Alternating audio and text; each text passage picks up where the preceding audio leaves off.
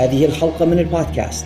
تأتيكم برعاية المستمعين الواعين بمخاطر فيروس كورونا من أمثالكم الذين لا يخرجون من بيوتهم إلا للضرورة القصوى وحين خروجهم يرتدون الكمامة وحين عودتهم إلى البيت يقومون بغسل أيديهم جيدا بالماء الدافئ والصابون. وإذا توفرت لهم الفرصة لتلقي اللقاح لا يترددون في تعاطي الجرعة. فقط بتضافر جهودنا جميعا يمكننا محاصرة هذا الوباء والقضاء عليه.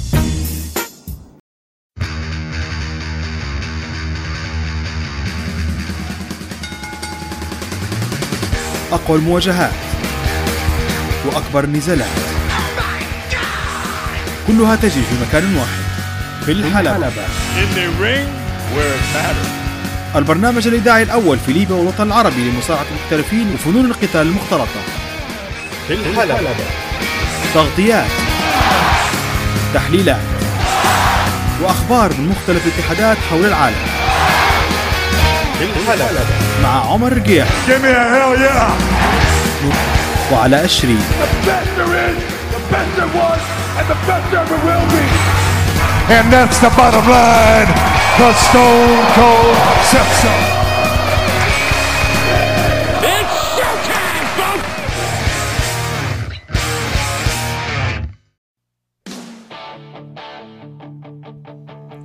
بسم الله الرحمن الرحيم. أعزائي المستمعين في كل مكان السلام عليكم ورحمة الله وبركاته. وأهلا وسهلا بكم إلى حلقة جديدة من بودكاست في الحلبة In the ring where it matters. معكم محدثكم The Prof. علاء الشريف. أسبوع جديد حافل في عالم مصارعة المحترفين وحلقة جديدة من البودكاست. تأتيكم من استديوهات منزلي المتواضع في عنزارة بطرابلس الليبية لتصل إليكم في مختلف أصقاع العالم عبر Anchor.fm ومنصاتها المتعددة. Apple Podcasts, Google Podcasts, Spotify, Stitcher وبقية المنصات الأخرى. فمرحبا بكم جميعا أينما كنتم إلى هذه الحلقة الجديدة من بودكاست في الحلقة. في جعبتنا لهذا الأسبوع الكثير من الموضوعات المميزة والمثيرة حيث سنناقش آخر الأحداث والمستجدات في عالم WWE, AEW الاتحادات المستقلة وتحديدا MLW الذي حصل فيه الكثير من التطورات مؤخرا. كذلك سوف نناقش مفاجأة حصلت في عالم المصارعة النسائية وسنتوقف هذا الأسبوع مع حكاية المصارع الراحل الأسطورة أدي غوريرو بمناسبة ذكرى مولده. كذلك وسنجيب أسئلتكم في حقيبة الرسائل. كل ذلك وأكثر في حلقة هذا الأسبوع المثيرة من بودكاست في الحلبة. فلننطلق معا إلى أولى فقراتها وإلى هناك. ونبدأ حوارنا هذا الأسبوع مع اتحاد ال WWE والذي وسجلوا معي التاريخ واللحظة اللي سمعتوا فيه هذا التصريح من the Prof علي الشريف. الذي يشهد تحسن كبير في مستوى عروضه نعم WWE في الأسابيع الأخيرة يشهد تحسنا كبيرا. عمري ما توقعت أن الكلمات هذه تطلع من فمي ولكن هذه الحقيقة. عرض را وسماك داون في الأسبوعين الماضيين أصبح أفضل بكثير. أعتقد أن السبب الرئيسي لهذا هو عملية ال draft أو تبادل المواهب ما بين العرضين. حيث شهدنا في الفترة الأخيرة انتقال بعض النجوم من سماك داون إلى را وانتقال بعض النجوم من را إلى سماك داون وإعادة خلط الأوراق يعني حركت المياه الراكدة وأعتقد أنه بعد فترة سوف يقضي على آه، الملل والرتابة اللي بدأ العرضين اللي هم سوى را أو سماك داون يشهده فيعني حنشوف إحنا مباريات جديدة فرصة جديدة لتكون عداوات جديدة. في حاجات كويسة ممكن تصير من هال draft هذا. لما نشوف ال draft بشكل منطقي. حنلقوا بأن سماك داون هو الذي حظي بنصيب الأسد من الانتقالات الكبيرة. وهذا طبيعي لأن فوكس القناة التي تعرض عليه عروض سماك داون يعني دافع مبالغ كبيرة جدا لل WWE مقابل أن عرض سماك داون يعرض عليه. وبالتالي فيستطيع فوكس انه هو يفرض على ال WWE الحصول على أكبر نجومه. وبالفعل شفنا بأن رومان رينز ما يزال باقي في سماك داون يعني على قناة فوكس. انتقال شارلوت فلير بطلة النساء أيضا إلى عرض سماك داون درو ماكنتاير اللي أعتقد حيكون متحدي بارز لرومان رينز في الفترة القادمة أيضا موجود في سماك داون الباين بأن بروك ليسنر كذلك سيبقى في سماك داون ولو أنه هو حسب ما قال هو free agent أو عميل حر بإمكانه الانتقال ما بين العرضين ولكن لحد الآن ما شفناش بروك إلا في سماك داون يعني نستطيع أن نقول بأن سماك داون حظي بنصيب الأسد من نجوم WWE الكبار. را في المقابل وإن كان يبدو بأن حظه أقل من سماك داون في انتقال النجوم الكبار إليه ولكن ما نقدروش نقولوا بأنه هو ما عنداش آه، نصيب جيد من النجوم. فين بالر انتقل إلى را وطبعا وجود فين بالر مع AJ ستايلز في نفس العرض في را ينبئ بحدوث مباريات كبيرة ما بين هذين النجمين سواء لو دارهم في tag team مع بعض أو دارهم كخصوم لأن AJ وفين بالر الاثنين من المصارعين الفنانين. وما ننسوش المباراة اللي خاضوها ضد بعضهما من كم سنة فاتت. أعتقد كانت في واحدة من عروض سرفايفر سيريز وشفنا مباراة ما بين AJ ستايلز وفين بالر من أجمل المباريات الممكنة. الاثنين لعبوا في اليابان وبيناتهم history في قصة ال Bullet Club وأنا متفائل جدا لوجود فين بالر مع AJ ستايلز الاثنين في را آه، أعتقد بأن لو WWE ترك لهما المجال لكي يصارعا زي ما هم يعرفوا حنشوفوا منهما مباريات ممتازة. لكن التفاؤل هذا الذي يغمرني وإن يعني كان شيء جميل ولكني عارف بأنه لن يطول. لماذا؟ لأن ال WWE يديره شخص اسمه فينسنت كينيدي ماكمان. وأي حد متابع WWE في السنوات الماضية يعرف فكر مكمان ويعرف مكمان بالضبط ويعرف توجه مكمان وطريقته في إدارة الأمور. مكمان ما تضيقش نفسه انه هو يسمح للأمور إنها تمشي بطريقة جيدة. ولابد ما يتدخل في نقطة ما من النقاط وحيسبب طبعا في أن كل هذا التفاؤل يتبدد بسبب قراراته الغريبة والعجيبة بالنسبة لإدارة عروض المصارعة. وبالتالي the Prof علي الشريف عنده في هذه الحلقة ثلاثة نصائح ذهبية ل WWE ربما لو اتبعوها بإمكان هذه العروض أن ترجع إلى القمة وأن تأخذ مكانتها الطبيعية اعتبارا أن WWE المفروض إنها رائدة مصارعة المحترفين في العالم. النصيحة الأولى مصارعة أكثر وكلام أقل. لقينا بأن عروض المصارعة في WWE تكون جميلة عندما يكون التركيز على ال W على ال wrestling. لما يسمحوا للمصارعين أنهم يقدموا مباريات نرى من هؤلاء المصارعين أحيانا مباريات رائعة للغاية. الحلقة الماضية من SmackDown شفنا مباراة جميلة جدا ما بين سيزارو وفين بالر بصراحة مباراة أنا كنت أتفرج عليها وأنا مذهول. المستوى واللعب والحركات والفنيات كأني نشوف في مباراة في واحدة من الاتحادات ال indies. وللأسف أصبح ال indies هم المقياس اللي إحنا نشوفوه لما نبوا مصارعة جميلة. فين بالر وسيزارو قدما ما يمكن أن نقول مباراة الأسبوع في WWE على الأقل. مباراة جميلة وما شابهاش أي تدخل خارجي. clean match انتهت بفوز فين بالر على سيزارو ولكن بطريقة جميلة وفنية ورائعة. لو WWE يقدم المزيد من مثل هذه المباريات حتعود WWE في رأيي إلى قمة المصارعة. مش كل المصارعين ممثلين. مش كل المصارعين يجيدون إلقاء الخطب والعبارات المنمقة وإلى آخره. عندك واحد الآن مبدع زي سيث رولنز في الموضوع هذا. رومان رينز الباين حتى هو واخذ دروس في التمثيل. هناك مصارعون يجيدون التمثيل ويجيدون الإلقاء ولكن ليس الجميع. في مصارعين بالفعل لما تحط في إيده سكريبت وتقول له اقرأ واحفظ جمل وكذا ما يقدرش. ويبان ضعفه ك speaker. فالأفضل إنك تخليهم يديروا اللي يديروا فيه wrestling الناس ما يبوش يشوفوا قصص غريبة ما يبوش يشوفوا كائنات من الفضاء الخارجي أو واحد جاي من بعد آخر ولا عروسة تتكلم أو مش عارف. يبوا يشوفوا wrestling بكل بساطة واختصار. So more wrestling أو المزيد من المصارعة and less talk تقليل من الكلام.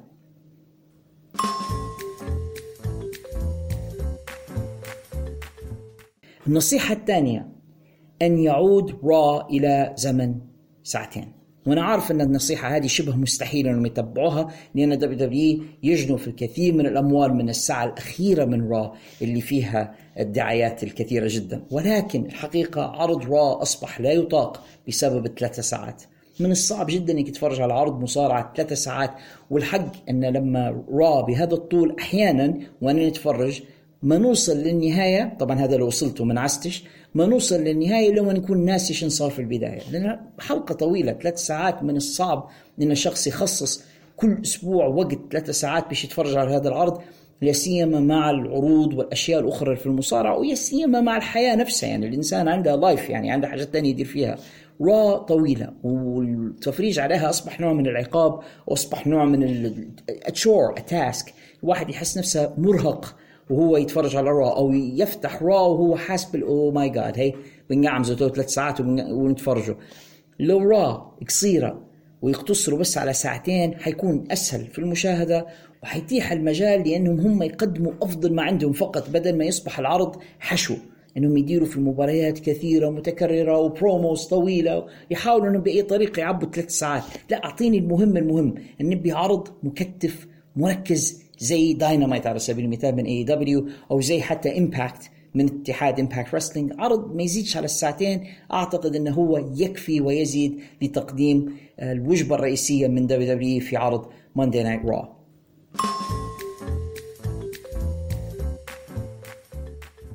النصيحة الثالثة أن يبتعد فينس ماكمان كليا عن إدارة الاتحاد. فينس ماكمان هو مالك ال WWE هذا الشيء لا نستطيع أن ننازعه فيه. ولكن ما فيش بأس أنه هو يكون مالك ولكن لا يحكم. يعني نقولوا يملك ولا يحكم. يكون عبارة عن شخص مالي في النهاية تجبى إليه أموال هذا الاتحاد. ممكن هو يعقد الصفقات التلفزيونية يدبر لهم في ال networks وشبكات يتعاقد لهم على عروض في السعودية أو غيرها من الدول. ما فيش بأس. ولكن creative أبعدوه عن عن الجانب هذا عن الجانب الإبداعي عن إنه هو يألف لهم القصص أو يحدد من هو الشخص اللي يحصل push أو الشخص اللي يظهر على الشاشة أو يكتب السيناريوهات فينس ماكمان الآن رجل يدنو من السادس والسبعين كان مش غالط كبير في السن out of touch يعني بعيد كل البعد عما له علاقة بال pop culture أو بثقافة الناس اليوم. ما يعرفش بالضبط الناس شنو يحبوا وشنو ما يحبوش.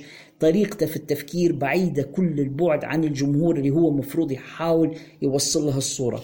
لاحظنا إن كل قصة أو كل شخصية يلمسها فينس ماكمان يدمرها الراجل كانت أفكاره نافعة في الثمانينات. كانت نافعة إلى حد ما في التسعينات ال Attitude Era مع أنه ما كانش بروحها. ناس كثيرة تخطئ وتعتقد بأن فينس ماكمان هو المبدع الذي يعني تفتق خيالها عن ال Attitude Era والكلام هذا مش صحيح. كانوا معاه الكثير من الكتاب والمبدعين الواحد ما يقدرش يبخسهم حقهم زي يعني الحق ماني عارف إن ناس كثيرة ما نحبوش لكن زي فينس روسو على سبيل المثال بات باترسون أنا شخصيا ما نحباش ولكن أيضا كان من العقليات اللي موجودة. غيرهما الكثير الكثير من الشخصيات ومن العقليات اللي كانت موجودة خلف الكواليس في WWE مع فينس ماكمان. صح فينس كان الفلتر اللي هو يقولوا لهم ديروا أو ما تديروش ولكن كانت في هلبة أفكار أو الكثير من الأفكار وكثير من المقترحات اللي كانت تساهم في أن WWE تكون فعلا يعني شركة تقدم في wrestling وفي entertainment في نفس الوقت. فينس تخلص من جميع هؤلاء بطريقة أو بأخرى. اللي مات مات واللي سيب سيب وإلى آخره. وقعد فينس بروحه هو وصغاره. وهذا يذكرني بنظام كان يحكم بلادي في يوم من الأيامات. حتى هو لما قاعد يحكم هو وصغاره خربت الدنيا. ولكن عودة للموضوع الرئيسي. لما فينس ماكمان استفرد هو وابنه وبنته ونسيبه بالحكم أفسدوا الاتحاد. وأفكارهم بعيدة كل البعد وملهاش أي اتصال بالواقع. لذلك حل ال WWE الرئيسي في رأيي والخطوة الثالثة في أن WWE يعود إلى القمة أن يبتعد فينس ماكمان. وزي ما فينس في يوم من الأيامات حجر على والده وحطه في دار المسنين وسيطر على الاتحاد أعتقد أنه قد آن الأوان أن حد ما نقولش يحجر على فينس ماكمان ولكن يحطه هيك على بعد يقع مزوف في مكان يستريح فيه وياكل ويشرب ويتفرج على أفلام ويتسلى في حياته ويبتعد عن موضوع ال creative لأن بصراحة أفكاره الإبداعية بين قوسين هي أفكار آه، خداعية وليست إبداعية وكل ما في الأمر إنه هو يفسد بدال ما يصلح. WWE عليهم إنهم يتعاقدوا مع آه، كاتب آه، قصص كويس أو بوكر كويس وما أكثرهم في عالم المصارعة يسلموا له القياد يعطوه إنه يكون هو ال manager وماكمان بس the money person أو الشخص الاداري ربما في علاقة شبيهة بالعلاقة اللي كانت ما بين تيد تيرنر وايريك بيشوف في التسعينات. ايريك بيشوف ما كانش مالك WCW كان مدير تنفيذي وكان تيد تيرنر هو المالك. ربما فينس ماكمان يستطيع أن يقوم بهذا الدور. المالك الذي يعين مديرا تنفيذيا صاحب أفكار نشطة وشابة. بإمكانه أنه هو ينقذ هذا الاتحاد من الوضع اللي هو فيه. أنا لو بنقترح حد ولو أنها فكرة قد تبدو غريبة للبعض ولكني أنا أميل لأنهم هم يحطوا بول هيمن في الدور هذا. وبول هيمن صاحب أفكار إبداعية والراجل الحق يعني. لو أعطوه WWE أنا شايف أنه ممكن يطير بهم للقمة. وعارف أن ناس كثيرة ما يحبوش بول هيمن مش بس من WWE حتى من جمهورنا. لكن بالي الحق لما تسمعوا تصريحاته أو تقروا له كلام كاتبه أو كذا تحس أن الراجل يعني in touch عنده علاقة بالعالم اللي إحنا عايشين فيه اليوم وفهم كيف الأمور تدار في عالم المصارعة. لكن بول هيمن مش الوحيد هناك الكثيرون ممن لو أعطوهم هذا المجال يقدروا بالفعل أنهم يديروا حاجة ب WWE أي. حد إلا فينس ماكمان.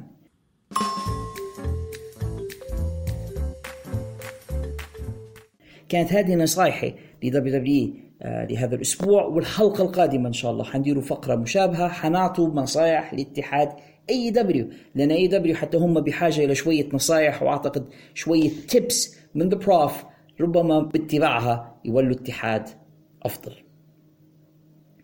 وبالحديث عن AEW لابد من نوه بأن الحلقة القادمة من عرض داينامايت الأسبوع القادم سيؤجل إلى Saturday حيكون عندهم Saturday Night Dynamite وأعتقد هذا حيأثر كثيرا على ال ratings بتاعتهم أو على معدلات المشاهدة، الجمهور للأسف يتصرفوا بالعادات يعني متعودين يتفرجوا ليلة الأربعاء، فلو فتحوا التلفزيون ليلة الأربعاء ما لقوش داينامايت مش حيسألوا وين مشي داينامايت؟ أمتى العرض القادم؟ آه السبت أنا لاحظت بأن لما العرض ينتقل من مكان زمني إلى إلى مكان آخر على الخريطة البرمجية. الجمهور drops off أو الجمهور يريح.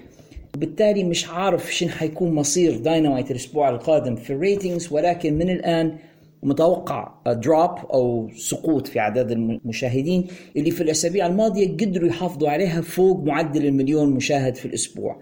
ومع إني ديما نقول في البودكاست هذا بأن معدلات المشاهدة overrated حقيقة أو في مبالغة في تقدير أهميتها وبأن أعداد المشاهدة اللي في الولايات المتحدة لا تعكس بالضرورة أعداد المشاهدة حول العالم ولا تعكس في الواقع حتى أنماط المشاهد العالمي. يعني مش شرط إن لو شوية ناس في الولايات المتحده ما تفرجوش على العرض في ليله الاربعاء بأن العرض لم يشاهد عالميا أو أن الناس ما اهتمتش بالعرض. ولكن ال Nielsen numbers هذه بعض الناس مهتمين بها. هلبة فبالنسبة للمهتمين بال Nielsen numbers أعتقد الأسبوع القادم حيكون عندهم عرس لأنه صاير موضوع. AEW زي ما قلنا حيتأجل إلى السبت. SmackDown لن يعرض في قناته المعتادة. مش حيعرضوا على Fox الأسبوع القادم حيعرضوا على FS 1 واحدة من القنوات الشقيقة ل Fox في نفس ال network. لكنها قناة كيبل وليست قناة broadcast آه، زي Fox آه، وهذا كله بسبب أحداث رياضية صايرة في الولايات المتحدة. بالنسبة لداينامايت مش متأكد تحديدا شنو الحدث اللي بسبب حيتم ترحيلهم إلى ليله السبت. ولكن بالنسبة ل SmackDown بسبب مباراة في ال MLB في ال Major League Baseball فبسبب ذلك Fox حينقلوا SmackDown إلى FS 1 ليلة الجمعة.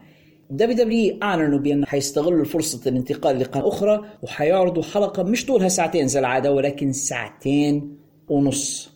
والموضوع هذا له تأثير لأن اللي يتبعوا الآن في المصارعة عارفين بأن بمجرد ما ينتهي SmackDown في موعده من الثمانية للعشرة على قناة Fox الساعة 10 على TNT يبدأ عرض Rampage يعني النص ساعة الأخيرة من SmackDown ستتعارض مع النص ساعة الأولى من عرض Rampage يعني حيمشوا المرة هذه head to head يعني حتكون منافسة حقيقية. لا سيما وأن عرض SmackDown الأسبوع القادم حتعرض على قناة كيبل وليس على قناة broadcast أو قناة آه، مفتوحة زي ما هو المعتاد في الأسابيع الماضية في Fox وبالتالي هي منافسة. وقد علق توني كان مالك AEW ومديرها التنفيذي على هذا الموضوع وقال بأنه سمع بأن WWE ناويين إنهم هم يمشوا head to head معاه وهو سعيد بالفرصة لأنه هو يطمح إلى انه يهزمهم الليلة بتاعت العرض الرئيسي ليلة الجمعة. أنا مش عارف لو أنا في مكان آه، توني كان هل كنت سأكون بهذه الثقة أم لا. أرقام Rampage في الأسابيع الماضية يعني تشهد تدني كبير. من المؤسف نقول لكم بأن الأسبوع هذا اللي فات وله شهد مباراه فيها سي إم بانك وغيرها كانت معدلات مشاهدة Rampage منخفضة يعني كانوا في حدود ال 400 ألف مشاهدة. وهذا رقم متدني جدا بالنسبة للنجوم الموجودين الآن على عرض Rampage بالتالي عرض ما يجيبش حتى في نص مليون مشاهدة مش عارف لو عندهم إمكانية إن هم يتنافسوا مع عرض SmackDown لأن SmackDown اللي يجيب في 2 مليون 2 مليون ونص في الليلة على Fox حتى لما ينتقل لل FS1 مش حيقل على مليون في كل الحالات. يعني هذا ال average بتاعهم مليون 800 ألف. أنت ما تجيبش في 400 ألف. فما أعتقدش إن AEW من المنطقي إنهم هم يتوقعوا بأن بإمكانهم التغلب على SmackDown ليلة الجمعة إلا لو عندهم حاجة كبيرة جدا هم يجهزوا لها وفي كلام على إن AEW بيعلنوا على مفاجأة والباين انهم هم كل ما آه، تضيق بهم الأحوال يعلنوا على مفاجآت. مش عارف أنا شو ممكن تكون المفاجأة اللي حيعلنوا عليها ولكن الباين انهم هم يا حيعلنوا على مفاجأة يا اما حيكشفوا على نجم جديد. يعني حيديروا something حيديروا حاجة من أجل انهم هم يجابهوا بها. Smack آه، Down لا سيما في ساعتها الأخيرة وساعتهم هم الأولى. أعتقد بأن ال main event لعرض SmackDown القادم أعتقد حيكون مباراة ما بين بكي لينش وساشا بانكس. المباراه آه، هذه أعتقد إنها بإمكانها إنها تجيب جمهور يتفرجوا عليها. فمش عارف بالضبط شن يقدروا يديروا AEW مع Rampage في النص ساعة الأولى بحيث إنهم ياخذوا الجمهور من SmackDown ويجيبوا بهم معدل مشاهدة كبير. حنشوف إيش بيصير ولكن الباين من المنافسة ما بين اي دبليو و دبليو دبليو ما زالت محتدمة. وهذه واحدة من الحاجات اللي يعني لو ننصح الاتحادين نقول لهم ابتعدوا عنها. ال head to head ما تفيدش حد. يعني كل ما في الأمر إن الجمهور ما يتفرجش هنا وما يتفرجش هنا تفرقوا انت الجمهور. ما بينكما بينما الأفضل إن كل حد في مكانه كل حد في ليلته واللي يحب WWE يتفرج عليها واللي يحب AEW يتفرج عليهم والناس اللي زين يعني يتفرج على الجميع. فلاش أنتم تفسدوا علينا بس لانكم أنتم عندكم نية الخراب والإفساد على بعض؟ حلقة داينامايت اللي فاتت شهدت عودة النجم آدم بيج آدم بيج ما شفناش من فترة طويلة لحوالي شهرين مبتعد عن الأحداث. قالوا سبب ابتعاده أن زوجته جابت يعني مولدهم الأول وأن آدم بيج كان عنده رغبة أن هو يشهد ويحضر آه، مولد آه، طفلها الأول ويقضي بعض الوقت مع أسرته الجديدة. ولكن آدم بيج قد عاد إلى AEW من جديد. آدم بيج آه، كان المفروض هو المتحدي رقم واحد لكاني اوميجا ولكن كاني اوميجا كان رافض إنه يواجهه. وبعدين كاني اوميجا بالفعل دخل في منافساته مع كريستيان كيج دخل في منافساته مع براين دانيلسون. وبدأ الأمر كما لو أن آدم بيج قد نسي تماما. آدم بيج في الحلقة الماضية من داينامايت شارك في مباراة ال Casino Royale وكان هو فاز بالفعل زي ما نقولوا ال Money the Bank بتاع AEW وأصبح هو الآن المرشح رقم واحد للمنافسة على بطولة الاتحاد. متى تكون هذه المنافسة؟ مش متأكد. المنطقي يقول بأنهم يتواجهوا في عرض Full Gear المقبل. ما ننسوش أن انطلاقة كاني أوميجا باتجاه بطولة العالم كانت من Full Gear السنة الماضية. في السنة الماضية في Full Gear كاني أوميجا كان قد فاز على آدم بيج فقصة مثالية perfect story أن تمر السنة ويتواجه الصديقان السابقان من جديد. آدم بيج ضد كاني أوميجا مرة أخرى ولكن على بطولة العالم هذه المرة.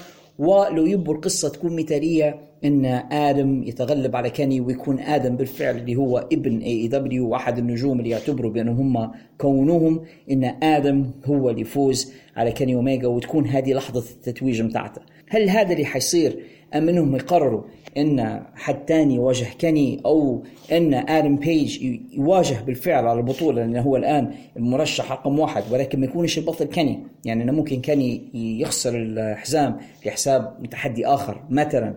براين دانيلسون ونشوفوا براين دانيلسون ضد آدم بيج مش عارف بالضبط وعندهم الكثير من الاحتمالات ومن التباديل والتوافيق في AEW اللي تخليها دائما مثيرة.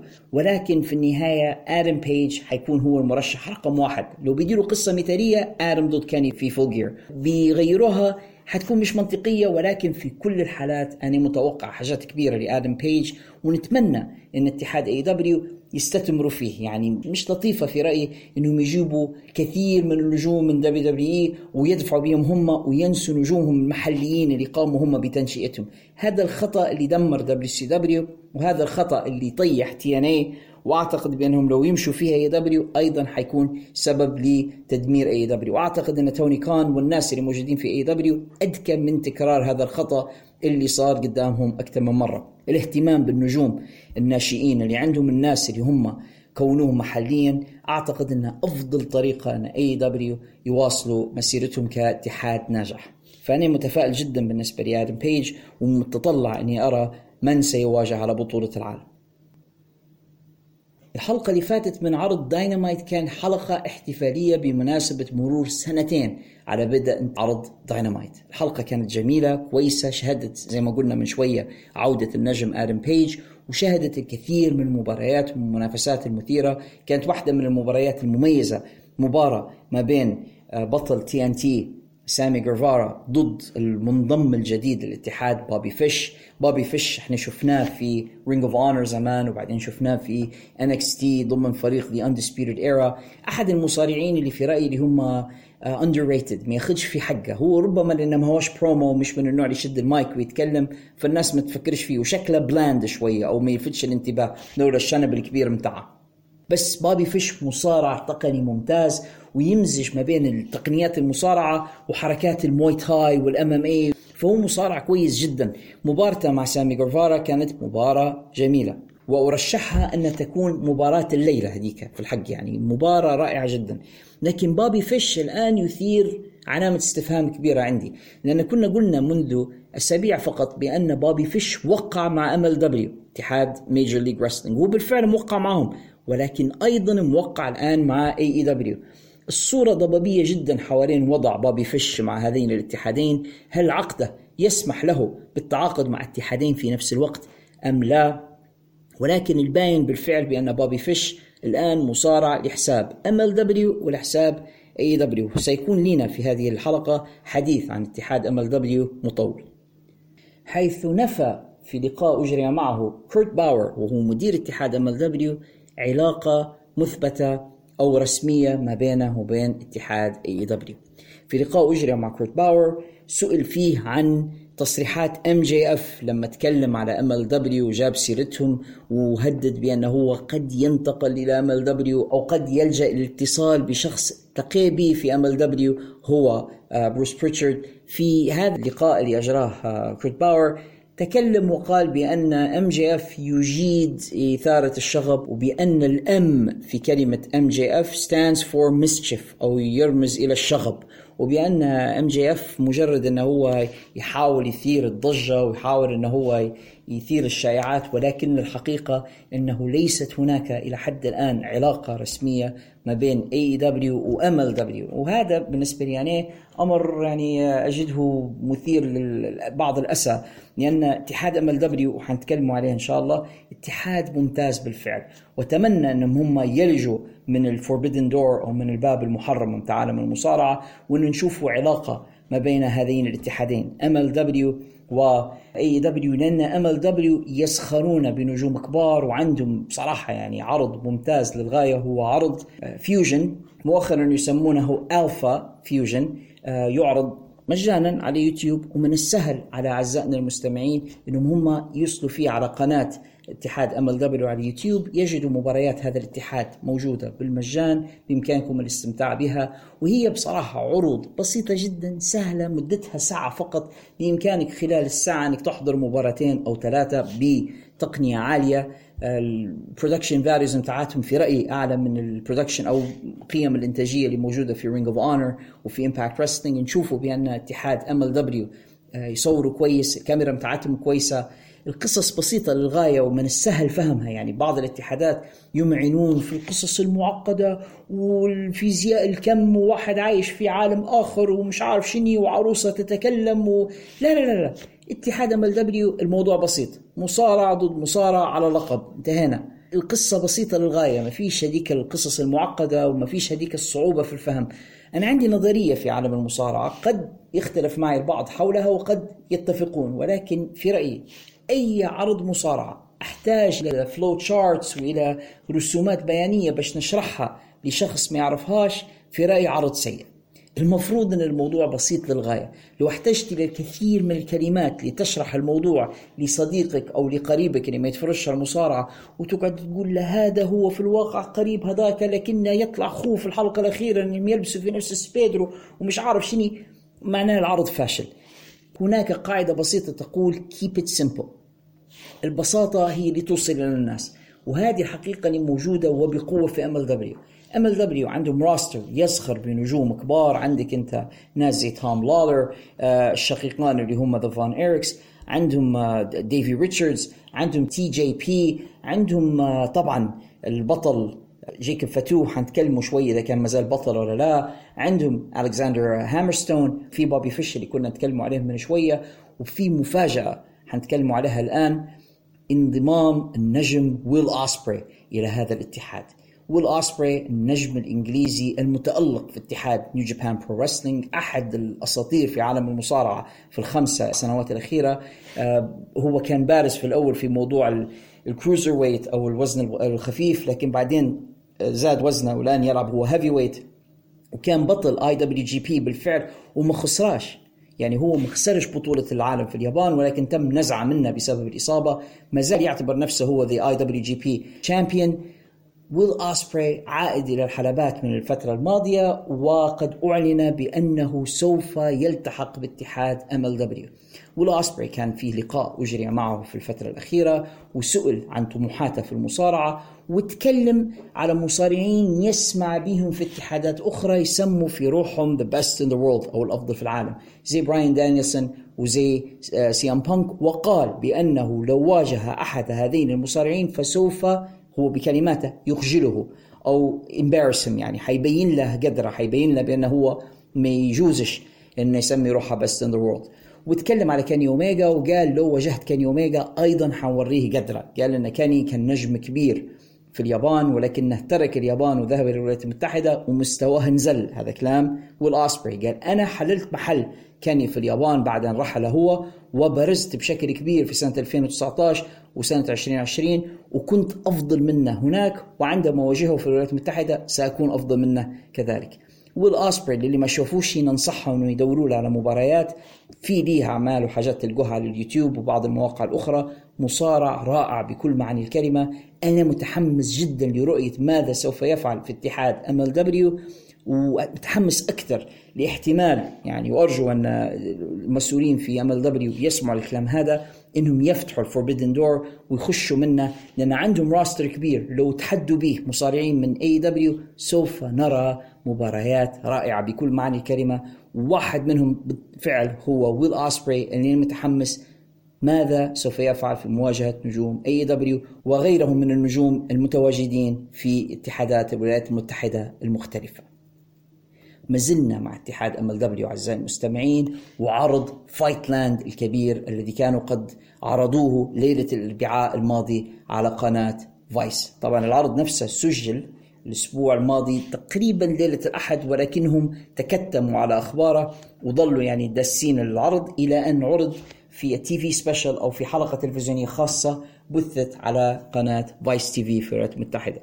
العرض الذي عرض واللي اسمه Fightland أو أرض القتال. ما زادش على ساعة في التلفزيون وفيه مباراتين. مباراة على بطولة الوزن المتوسط أو ال middleweight آه كانت مباراة رباعية فاز فيها في النهاية الأسطورة الياباني تجيري مش عارف لو متفكرين ولا لا تجيري من أيامات ECW وكان أيضا نجم في WWE hardcore champion لو نتفكر تجيري الآن هو بطل الوزن المتوسط في اتحاد MLW وبعدين مباراة رائعة ما بين بطل الاتحاد جيكوب فاتو اللي أنا نعتبره بالفعل the real tribal chief أو الزعيم القبلي الحقيقي هو نجم من سماوا ضخم وكبير. هو من نفس القبيلة على فكرة من نفس قبيلة ريكيشي والمجموعة هذه وشكلها زيهم ضد بطل الاتحاد للوزن المفتوح ألكسندر هامرستون. واللي مش شايف هامرستون تخيلوا معي هولك هوجن في الثمانينات. آه هو في شوية من هولك هوجن شوية من سكوت ستاينر شوية من آه جيف جاريت شوية شكله غريب هيك شوية الراجل أحمر وأشقر وعنده لحية وشقراء ويلبس أحمر وأصفر زي هوجن وجسمه ضخم. الراجل مزيج من عدة آه مصارعين في ال look متاعه مصارع قوي للغاية فني للغاية يعني من القلة اللي شفناهم اللي يمزجون ما بين القوة البدنية والمهارة الفنية العالية وحتى في البرومو هو كويس. وأنا أهني اتحاد MLW إنهم استطاعوا بالفعل إنهم يحتفظوا بال roster اللي عندهم يعني النجوم هذه اللي زي جيكوب فاتو اللي زي ألكساندر هامرستون آه، توم لولر قدروا من يوقعوا مع ديفي ريتشاردز. غيرهم من نجوم كبار قدروا حتى خلال فترة pandemic ال إنهم هم يبقوا عليهم آه، تحت تحت العقود اللي معاهم وحافظوا عليهم والآن يقدموا بهم في عروض جميلة جدا. هامرستون آه، وفتو قام مباراة رائعة كانت على بطولة الاتحاد وللتوحيد ما بين اللقبين لقب الوزن المفتوح ولقب ال world heavyweight مباراة قوية آه، عنيفة فتو يقوم بحركات بالنسبة لواحد في حجمه وفي وزنه غريبة جدا كيف يتشقلب في الهواء وكيف يدير في حركات هوائية غريبة. والكسندر ألكسندر هامرستون مصارع قوي وسريع. المباراة كانت جميلة جدا وفيها في النهاية أعتقد بوتش حصل إصابة كانت في ظهر هامرستون خلاه ما يقدرش يقوم ببعض الحركات اللي هو معروف بها ولكنه في النهاية تمكن من الفوز وأنه يثبت فتو بحيث الآن أصبح ألكسندر هامرستون هو البطل الموحد لاتحاد MLW. ويحمل اللقبين لقب الاتحاد للوزن الثقيل World Heavyweight Championship وعنده كذلك لقب The Neverweight Championship أنا مش عارف الآن هل سيتم المزج أو توحيد اللقبين بحيث انه يصبح لقب واحد أم أنه سيدافع عنهما كل على حدة. ولكني أعتقد بأنهم سيكتفون بتوحيد اللقبين في لقب واحد ويقعد هامرستون هو the unified champion لاتحاد MLW هامرستون نجم كبير فتو نجم كبير. أنا أتمنى أن يبقيا في هذا الاتحاد وأن يزيد ينضموا إليهم نجوم جدد. الاتحاد رائع. آه أيضا ضمن العرض قدموا فقرة عنوانها MLW Embedded وهذه ذكرتني كثيرا ب UFC Embedded يعني آه، زي زي البرنامج الحواري أدارات المذيعة اليشا اتوت آه، أسلوبها كثيرا يشبه أسلوب ريني آه، باكيت في زمان لما كانت في WWE في إدارة هذه العروض. واضح أن اليشا تقلد في أسلوب ريني. كان من ضمن الناس اللي موجودين في ال panel ديف ميلتسر ومجرد حصولهم على ديف ميلتسر انه يكون عضو في ال panel. معناها حاجة كبيرة على الأقل بالنسبة لحد زي نيانيه كان معهم أيضا راج جيري من Wrestling Inc كان بعض الأسماء اللي نسمع بها من مواقع المصارعة المشهورة. وناقشوا خلال هذا ال panel بعض الموضوعات المتعلقة باتحادات أخرى. ناقشوا موضوع بيع ال WWE وهل سيقوم أم لا. ناقشوا هل سينتقل كيفن أوينز إلى اتحاد AEW وكان من ضمن الموضوعات التي ناقشوها خبر انتقال أسبري إلى MLW أو التحاقه بهم. طبعا أعتقد أنه ما زال نجم في New Japan ولكنه سيظهر مع MLW في بعض العروض. الفقرة كانت كويسة وحسستني بأن MLW مهتمين مش بس باتحادهم هم ك pro wrestling company ولكن أيضا أنهم هم يتكلموا على اتحادات أخرى. فأنا شايف أن في أشياء جميلة جدا قاعدة تصير من اتحاد MLW. أنصح مشاهديا أنهم يشوفوا هذا الاتحاد اللي أنا شايفه حاليا راهو الحصان الأسود اللي ما يدري عليه حد لكنه منطلق في آه، سباق مصارعة المحترفين. ربما لن يكون الترتيب الأول لأن هذا أعتقد دائما سيكون WWE مش حيكون الترتيب الثاني لأن AEW يعني شاد في هذا المركز ولكن حيشاغبوا بقوة على المركز الثالث. حيتفوقوا أعتقد على Impact Wrestling وعلى Ring of Honor وعلى the NWA وأعتقد بان MLW في نقطة ما ربما حتى يبتلع بعض هذه العروض الأصغر لأنهم بالفعل عندهم جميع مقومات إنهم يكونوا اتحاد كبير. حننهي أخبارنا لهذا الأسبوع مع خبر في عالم مصارعة النسائيه وتحديدا اتحاد WOW Superheroes of Wrestling. اتحاد WOW كان قد قدم فيما مضى موسمين من عروضه اللي هي عروض خاصة بالمصارعة النسائية فقط عبارة عن سلسلة حلقات تقدم مباريات بين مجموعة مصارعات. يجوا حتى من اتحادات أخرى ويغيرونهم في أسمائهم ويعطوا فيهم في characters أو يعطوا فيهم في personas ويصارعوا ضد بعضهم. وفي عندهم بطولة بطولة WOW للمصارعة النسائية. WOW stands for women of wrestling. بعد الموسم الثاني من العرض بدأ وكأن العرض توقف. العرض أعلنوا الآن بأنهم عائدون إلى موسم ثالث. الموسم الثالث سيقدم عبر قناة CBS عبر منظومة Viacom و CBS واحدة من القنوات الأمريكية الثلاثة الرئيسيات اللي يعرضوا على القنوات المفتوحة. إلى هنا الخبر مش كبير ولكن المفاجأة أن جيني باس مالكة الاتحاد اللي هي كذلك مالكة فريق لوس أنجلوس ليكرز لكرة السلة وتعرفوا طبعا بأن فرق كرة السلة في الولايات المتحدة يعني سعرها بمئات ملايين الدولارات اللاعب الواحد سعره مئات ملايين الدولارات. تخيلوا مالكة الفريق شني يكون ثروتها.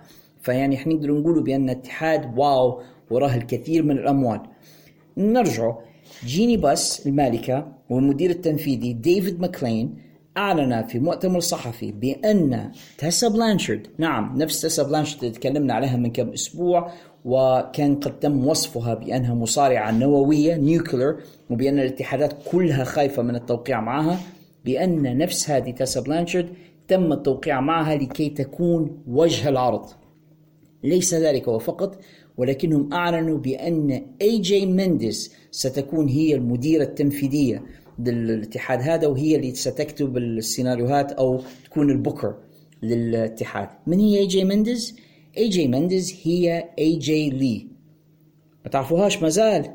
اي جي لي هي زوجة سي ام بانك أظن هيك توا تفكرتوها. اي جي لي كانت بطلة اتحاد WWE في فترة سابقة لل Divas اي جي كانت قد تركت المصارعة منذ فترة بسبب إصابات في الرقبة وأعلنت حتى اعتزالها. الآن تعود اي جي لي اسمها الحقيقي اي جي مندز إلى عالم المصارعة كبوكر أو ككاتبة رئيسية لاتحاد WOW. وقد تم الكشف عنها وعن تيسا بلانشارد في المؤتمر الصحفي الكبير الذي أقيم يوم الأربعاء الماضي. خبر كبير بالفعل. لأن عودة WOW وعلى قناة آه، رئيسية في الولايات المتحدة CBS حيكونوا عندها حاجة اسمها syndicated television يعني حيعرضوا في عدة آه، قنوات أمريكية عبر شبكة CBS هذه عودة كبيرة. تيسا بلانشارد اللي هي مصارعة ذات سمعة سيئة بسبب مشاكلها السابقة مع اتحادات أخرى. التوقيع معها آه، شكل الكثير من من الجدل. في الأوساط الصحفية بمجرد الإعلان عنها لأن الاتحاد لعب على موضوع أن عندها سمعة سيئة وبأنها nuclear فقاموا بإنتاج تي شيرت مكتوب عليه nuclear وحطوا عليه صورة تيسا بلانشارد وعرضوا هذا القميص للبيع. بمجرد طرح القميص nuclear عليه صورة تيسا بلانشارد للبيع في منصات البيع الإلكترونية كان هناك backlash وكانت هناك بعض الناس انتقدت هذا القرار وما زالوا يتكلموا على ان تيسا بلانشارد عندها سمعة بان هي آه، عنصرية وبأنها صعبة التعامل والى آخره ولكن اتحاد WOW Women of Wrestling متمسكون بتيسا وبقرارهم بأنهم حي يخلوها هي كوجه للاتحاد و they're going to book around her أو أنهم حيكتبوا القصص بحيث تكون هي المحور وبأن اي جي ستكون هي الكاتبة الرئيسية. يشاع بأن اي جي راغبة في العودة إلى الحلبات.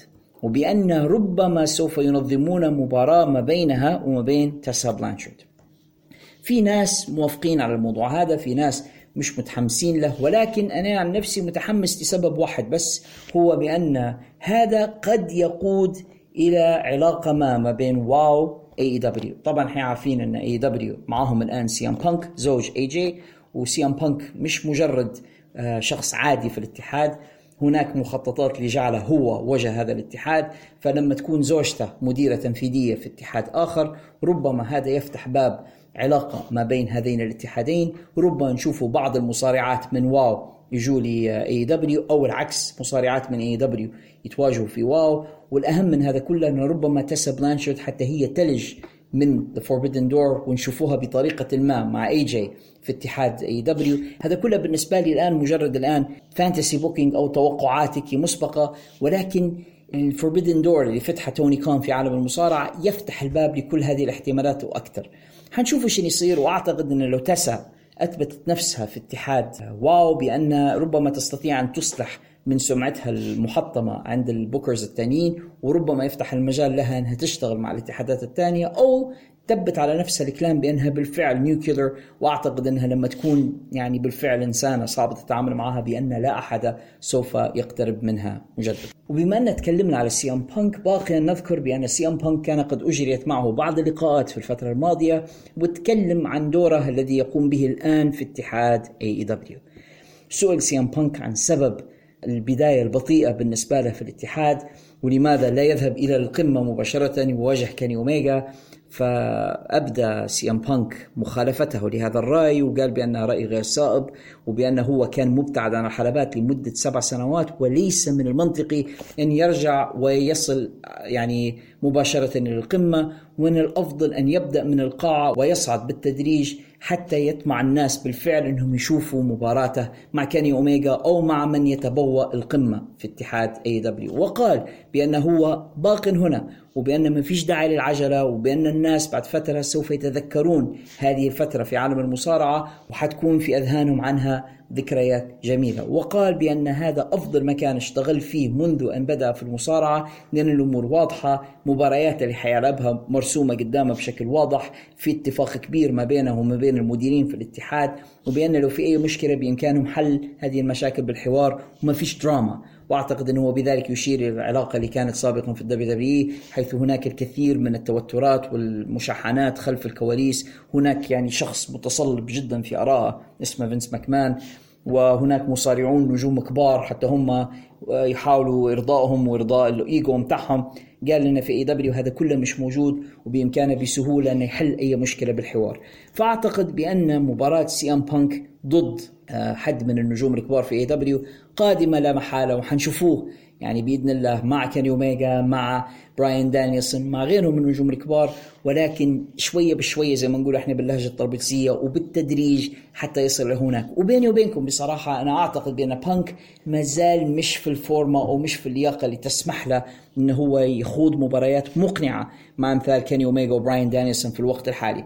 أي نعم إحنا شفناه في ثلاثة مباريات حتى الآن. رأيناه في مباراة مع داربي آلن شفناه في مباراة مع ويل هوبز وبعدين شفناه هذا الأسبوع مع دانيال غارسيا في Rampage. وفي الثلاثة مباريات كان جيد بل أكثر من جيد. أعتقد أنه كان جيد جدا.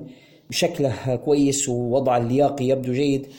ما زال عنده شوية بطء في الحركات وما زال يبدو عليه إنه شوية رستي وهذا طبيعي. يبي شوية وقت حتى يعود إلى فورمة المباريات مجددا.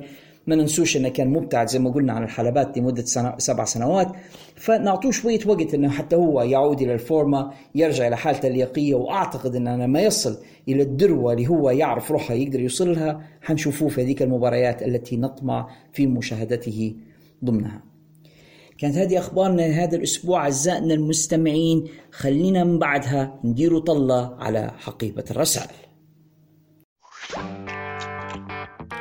فقرة حقيبة الرسائل من أحب الفقرات في هذا البودكاست إلى نفسي أعزائي المستمعين لأنها تتيح لي وبشكل مباشر أن أجيب على ما لديكم من أسئلة واستفسارات وملاحظات وحتى انتقادات بحيث أناقشها معكم مباشرة عبر البودكاست وعلى الهواء. وهي تتيح لكم المستمعين أنكم تكونوا أعضاء في فريق تحرير هذا البودكاست وتكتبوا معي بشكل مباشر الفقرات التي تريدون الاستماع إليها. خلينا نشوفوا شن لدينا في الحقيبة لهذا الأسبوع. You've got mail. سؤالنا الأول يأتي من صديقنا الصدوق حسين عبد الله اللي ديما عنده أسئلة جميلة وواجهة هذا الأسبوع حسين يلقي علينا سؤالين اثنين. سؤاله الأول عن الفقرة اللي شافها في ال build للعداوة ما بين كريستيان كيج وكاني أوميجا من كم أسبوع فاتوا والإشارة إلى العلاقة مع دون كالس ويسأل فيها هل هو بالفعل في علاقة ما بين دون كالس وكريستيان وكاني أوميجا وما مدى صدقية هذه القصة من عدمها.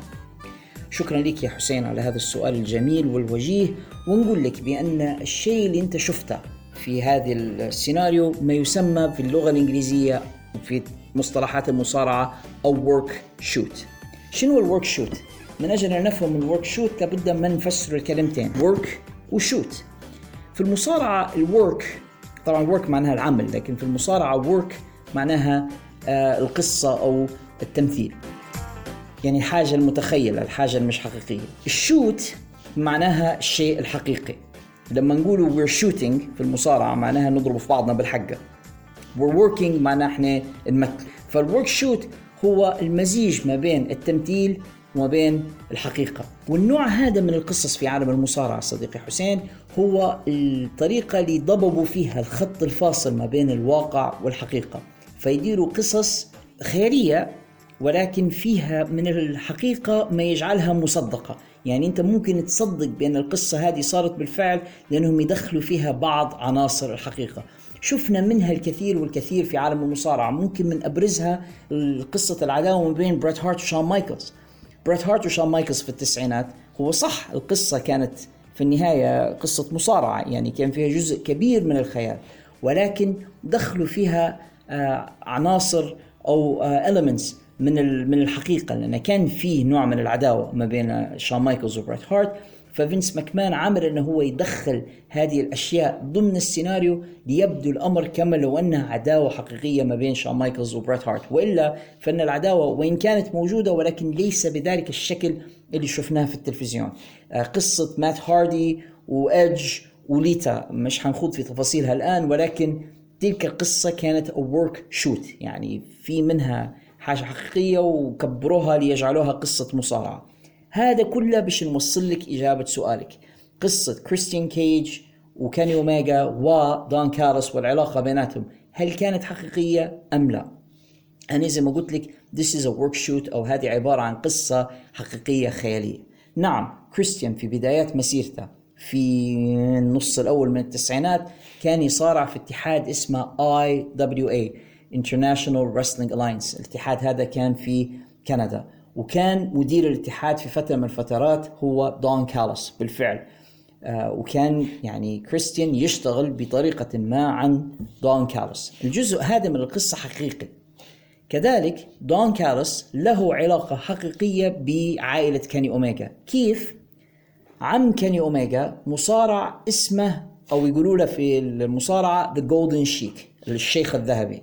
وأنا مش عارف ليش سموه هيك ولكن هيك اسمه يعني. مصارع كندي من الجيل اللي كان يصارعوا في السبعينات والثمانينات. اسمه The Golden Sheik The Golden Sheik درب دون كالس في فترة من الفترات وأثناء ما كان دون كالس يتدرب في شبابه عند Golden Sheik اتعرف على طفل صغير اسمه كاني مو اسمه الحقيقي كاني اوميجا واسمه تايسون آه، سميث.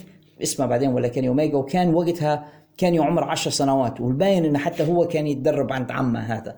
فتوطدت علاقة ما بين دون اللي هو أكبر من كاني بقريب 20 سنة ولكن اصبحا صديقين عند آه عند ال Sheik هذا عند Golden Sheik فكانت في صداقة وكانت في علاقة سابقة ما بين كاني ودون كالس ودون كالس كثيرا ما يعتبر بأن كاني كأنه قريبه لأنه هو تربى أو نشأ في بيت The Golden Sheik وتربى معاه كاني فيعتبر فيه كأنه أخوه الصغير. هذا in real life الحاجات اللي نقول لكم فيها كلها في الحياة الحقيقية.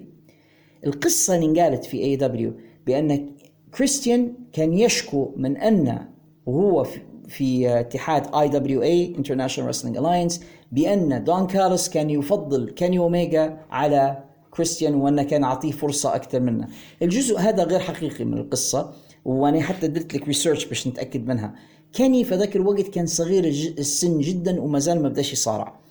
فلم يحتك ببعضهما في ذيك الفترة. كان كريستيان في بدايات العشرين من عمره وكريستيان أكبر من كاني بحوالي عشر سنوات. فلا أعتقد بأنهما قد التقيا في المرحلة هي. ما أعتقدش أن صارت الفرصة بأن كاني أوميجا وكريستيان كيج كانوا يتنافسوا مع بعضهم. كاني كان مازال صغير جدا ومازال ما بدأش يصارع. ولكن زي ما قلت لك ضمن قصة ال work shoot وضمن قصة القصة الحقيقية المتخيلة حاولوا يبينوا بأن في توتر ما بين دون كالس مدير الاتحاد وكريستيان كيج النجم الناشئ الطالع لأن كارلوس فضل عليه الصغير. كان هذا هذا مش حقيقي ولكن دخلوه في القصة. إنما الحقيقة أن نعم كريستيان اشتغل في اتحاد IWA وكان دون كاليس مدير لهذا الاتحاد ونعم دون كاليس له علاقة مسبقة مع كيني اوميجا محاولة مزج كل هذه العناصر مع بعضها ضمن قصة كانت محاولة على استحياء ل آه، تقديم worked shoot داخل AEW ما أعتقدش إن أغلب الجمهور انتبه إلى هذه التفصيلة. أعتقد أنت من القلائل اللي انتبهوا لها وسالوا عليها. ملاحظة وجيهة منك جدا يا حسين. سؤالها الثاني كان عن جيم كورنيت. يسمع عليه كثيرا. حسين يسأل من هو؟ ولماذا آراءه مهمة في عالم المصارعة. جيم كورنيت آه، أحد الشخصيات الجدلية في تاريخ المصارعة. أنا عارف أن الكثير من الأجيال الجديدة ما يعرفوش من هو بس الناس اللي من جيلي واللي أكبر شوية عارفينه تماما. جيم كورنيت عرفناه مديرا للأعمال في اتحاد WWF. هذه ولا اسمها WWE وشفناه في مكانات ثانية وكان مشهور بأن يحمل معاه مضرب تنس إلى الحلبة ويتدخل في المباريات ويقوم بإفسادها من الخارج. وشفناه مديرا لأعمال الراحل أوين هارت والراحل يوكوزونا وآخرين في WWE ولكن حتى قبل ذلك في الاتحادات الجنوبية وتحديدا في the NWA كان مدير أعمال لفريق ثنائي وهو The Midnight Express. ودار معاهم شغل كبير جدا في جميع ولايات الجنوب الأمريكية ضمن اتحاد the NWA لكن قبل هذا جيم كورنيت في الأساس هو كان مصور وهذه كانت آه، طريقة دخوله إلى عالم المصارعة. طريقة دخوله على فكرة تشبه قصة دخول بول هيمن لو تعرفها إلى عالم المصارعة. كلاهما دخل من باب أنه كان مصور. جيم كورنيت كان مصور في آه، مجلات المصارعة وتعرف على اتحاد CWA الاتحاد الذي كان يديره عائلة جاريت. جدة جيف جاريت صدق أو لا جدته اللي هي أم بوه كانت مالكة ومدير الاتحاد CWA وكانت أم جيم كورنيت صديقة جدة جاريت. شفتوا اللفة كيف؟